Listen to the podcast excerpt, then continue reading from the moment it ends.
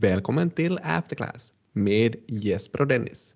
Och jag är Jesper, så då är du Dennis, perfekt. ny vecka, men eh, vi fortsätter att skrapa oss i huvudet gällande Ukraina-kriget. Samtidigt ser vi att priset på olja, gödsel, vete och en massa olika sällsynta metaller skenar iväg. Kunde det vara någonting att diskutera idag? Ja, det är ju åtminstone vissa länder och vissa företag som då gynnas mer när de här råvarupriserna går upp. Jag tänker länder så har vi ju kanske Australien, Kanada och, och Norge då, som alla har valutor som är uppbackade av diverse råvaror. Och om det är företag så tänker vi kanske då på just olika oljeföretag och gruvföretag till exempel, som alla då helt klart gynnas när deras råvaror ökar i pris. Ja, du pratar om Norge här till exempel. Både Finland och Sveriges index såg väl ganska breda nedgångar medan Norges var ganska opåverkat här på sistone. Sen nämner du också gruvindustri och hörde jag Kanada också. Ja, Kanada är ett land som drar nytta av att råvarorna går upp i pris. För vi har ju en eh, börsnotering på gång i Sverige förvisso, men den har Finlands koppling och det är ett gruvbolag och vdn kommer från Kanada. Mitch Vanderut, den här kanadensaren då, som säger att vi ska gräva guld i Finland och vi ska noteras på First North i Sverige via en sån här spridningsemission. Bolaget heter North Gold och grundades 2020, så ett relativt ungt bolag. Kunde man nästan säga att det känns som att de har lite onödigt bråttom in på börsen här? Eller är det så att de kommer visa från vaggan, som var den här slogan för Sofia Bank, den här finländska banken som gick i konkurs för många år sedan? Det står det ingenting om i prospektet faktiskt, men man kan väl säga att det, det är en viss brådska. Möjligtvis försöker man ha en, en viss timing här också. Den här vdn, Mitch, han är också rätt ung och eh, blev vd för inte mindre än åtta månader sedan. Men det är ju inte alltid fel med en ung VD ifall den här VDn har haft en väldigt bra karriär bakom sig. Ja, han är född eh, 1986 och berättar i den här presentationen som de har i samband med noteringen då att han har en 13-årig karriär bakom sig, varav de senaste tre åren då har han varit vid en top investmentbank i Toronto och jobbat som analytiker. Och jag skulle nästan säga att han ser exakt ut som förväntat. Det är nästan som att man skulle kunna tro att han har läst Faikko på Hanken. Så vad kör vi här då? En, en ljusblå skjorta, en liten sån här tunn dunväst och hår som rör sig lite lätt bakåt. Ja, han har städat upp sig lite inför den här presentationen, men ditåt. Före det här jobbet på, i Toronto så har han eh, jobbat tio år som ingenjör, säger han, eh, med citat Mine Design, Construction and Permitting. Men jag vet inte, han ser inte alls ut som en sån person. Man funderar ju också att om man har ett toppjobb som en investment banker i Toronto, varför väljer du då att bli VD för ett litet, just uppstartat gruvbolag som ska börja ha sin verksamhet i Finland?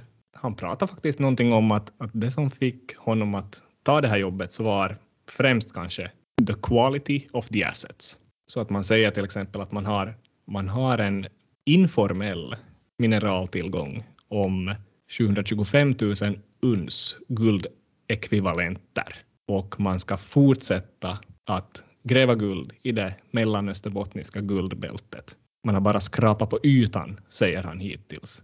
Jag vet inte vad det betyder det där informell tillgång. Jag vet inte, är det någon bokföringsterm? Det är lite oklart. Men sen säger han också att, att det, det, är starka ägare bakom bland annat det här Magnus Minerals, om det är bekant. Ringer inga klockor. Okej. Okay. Men han fortsätter också att han har, har någon slide i den här presentationen där han säger att gold is still much bigger than crypto. Det är lite oklart om, om den sliden behövs. Det låter nog som man försöker sälja in den här guldinvesteringen för sådana här lite mer håsiga investerare som gillar att ta mycket risk. Jag blev lite intresserad av det här guldbältet själv. Att vart ska jag ge mig ut här i Finland om jag vill söka guld? Så det finns väl rätt eh, okej okay tillgångar mellan ska vi säga, Brahestad och Hapajärvi. Där finns ett, ett snyggt bälte med ett antal gruvor sedan tidigare också. Men det, de här ställena som North Gold har, så det är Kopsa-gruvan, flaggskeppsgruvan och sen Kimala Trend. Och är båda de här gruvorna redan i ett sånt skick att man får ut guld från de här gruvorna eller är det mera på idéstadiet? Ja, det är just det här som, som jag sa, att de har skrapat på ytan. I maj kommer, går de in med borren, så att säga.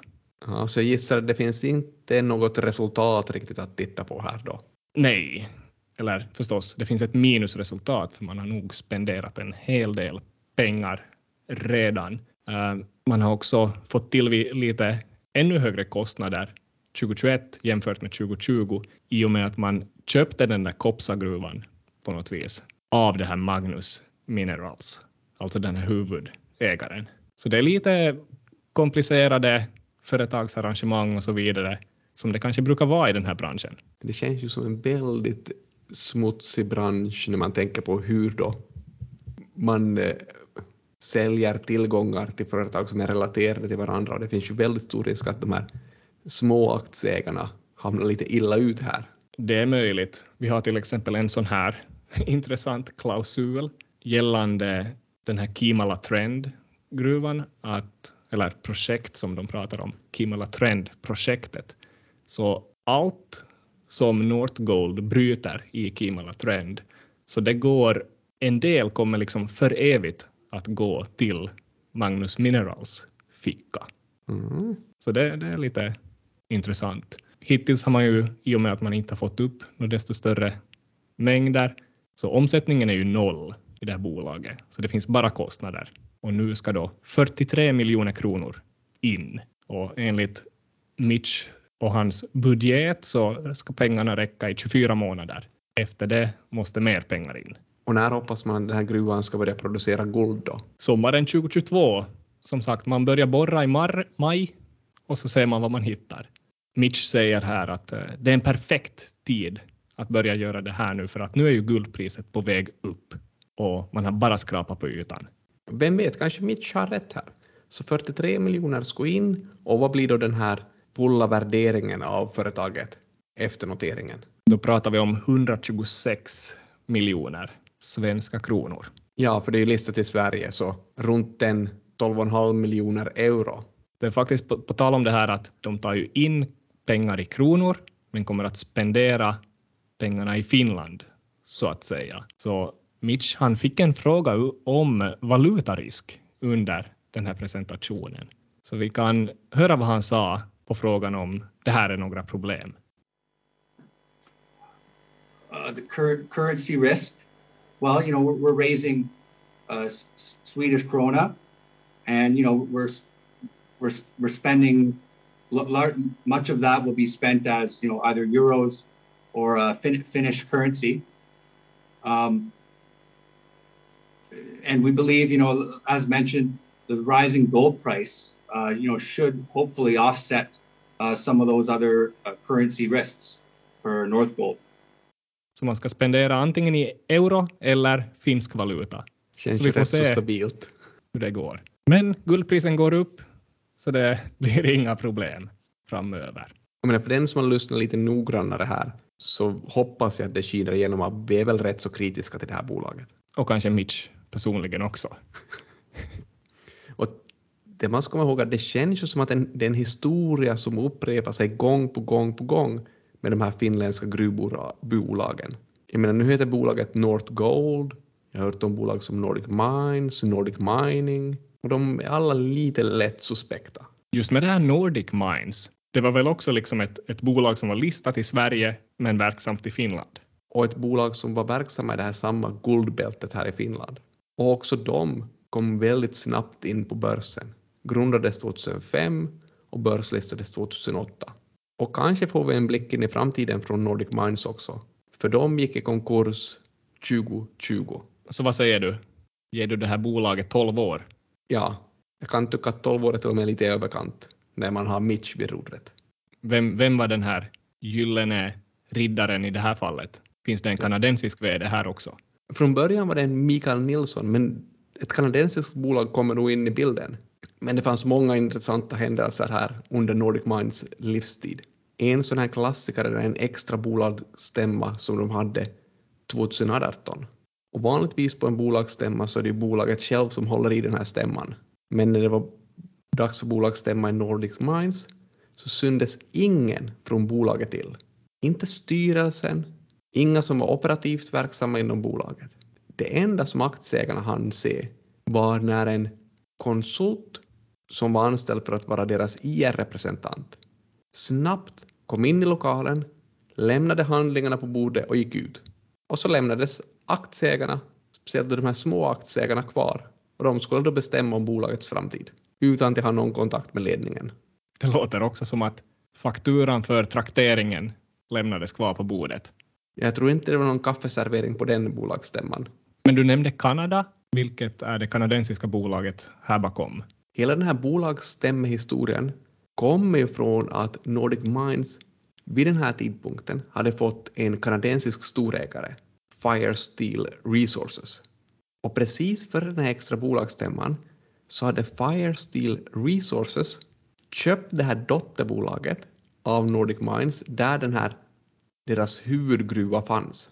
Så den här huvudägaren hade egentligen tömt bolaget på deras viktigaste tillgång och nu lämnade då huvudägaren bolaget till sitt öde. Och man skulle komma ihåg att alla aktieägare var kanske inte så nöjda över det här sättet som eh, Fire Steel Resources hade roffat åt sig den här huvudgruvan. Så där får man en liten inblick i hur gruvbolagen jobbar i Kanada. Har du några andra anekdoter från Nordic Mines? Det här var kanske mer då anekdoter från slutet av Nordic Mines livstid, men problemen kommer ju förstås från någonstans. Och... Vi, vet, vi vet ju att de kom från Kanada, men... ja, men kanadensarna var inte inblandade från början. Utan från början var allt frid och fröjd med en VD som hette Mikael Nilsson. Och det här Nordic Mines hade hittat en jättestor guldfyndighet i Finland där guldet låg som på ytan och det fanns i massor. Så de behövde inte ens ha en riktigt stor gruva utan de kunde ha dagbrott. Och egentligen deras största problem var att de var oroliga att guldpriset på allt det här guldet som de skulle få skulle sjunka. För guldpriserna när Nordic Mines blev aktiva 2011, 2012 var högt lika som idag. Så lösningen för att säkerställa att Nordic Mines kunde sälja guldet till ett högt guldpris var att de ingick en hel del future-kontrakt. Och de här kontrakten sa att ungefär fyra tiondelar av deras framtida guldproduktion skulle de kunna sälja till 1050 euro. Och det här skulle gälla ända från 2011 till 2015. Så det här är någon typ av hedging som de sysslar med? Ja, exakt. Och allt var guld och gröna skogar eftersom att de endast behövde ha ett guldpris som var över 530 euro per ons för att vara lönsamma. Det låter ju som en perfekt plan. Hur gick det då? Ja, ja det kan man tycka. Ja, det gick faktiskt så att guldpriset gick upp ännu mera, vilket förstås egentligen var bra för Nordic Mines. Men då började de få problem med produktionen, så de fick inte upp lika mycket guld som de hade hoppats att få upp. Och de fick inte upp tillräckligt mycket guld för att leverera på de här sina kontrakt. Så de hade alltså inte guld som de kunde sälja för 1050 euro per ons. Och guldpriset bara fortsatte upp. Så det här slutade med helt enkelt att Nordic Mines måste köpa guld från marknaden för 1250 euro för att kunna leverera på sina kontrakt där de fick 1050 euro per ons guld. Och desto mer guldpris gick upp, desto mer pengar förlorade de. Och egentligen det var på det här sättet som bolaget då helt dömdes på pengar. Och ett litet grundproblem var ju förstås också att de fick inte upp tillräckligt mycket guld ur marken trots att det hade sett bra ut på de här prospekteringarna. Så de hade skrapat på ytan, men då borren gick igång kom det inte upp desto mera. Låter ju lite som en situation som Mitch kunde hamna i också. Vi får se vad han har gjort för kontrakt. Men vi lär oss i alla fall att, att sån här typ av hedging kan slå ganska fel i sån här worst case scenarios. Och det kommer att bli intressant att se nu hur de här bolagen har hedgat sig mot förändringar av råvarupriserna. Men det kanske vi sparar till någon annan gång. Ja, ibland kan det ju vara bra att spara på lite saftiga historier om det blir sämre tider. För att tala är ju silver, men tiga är guld, som man säger. Så nu tiger vi en vecka och så återkommer vi sen med nya insikter i After Class.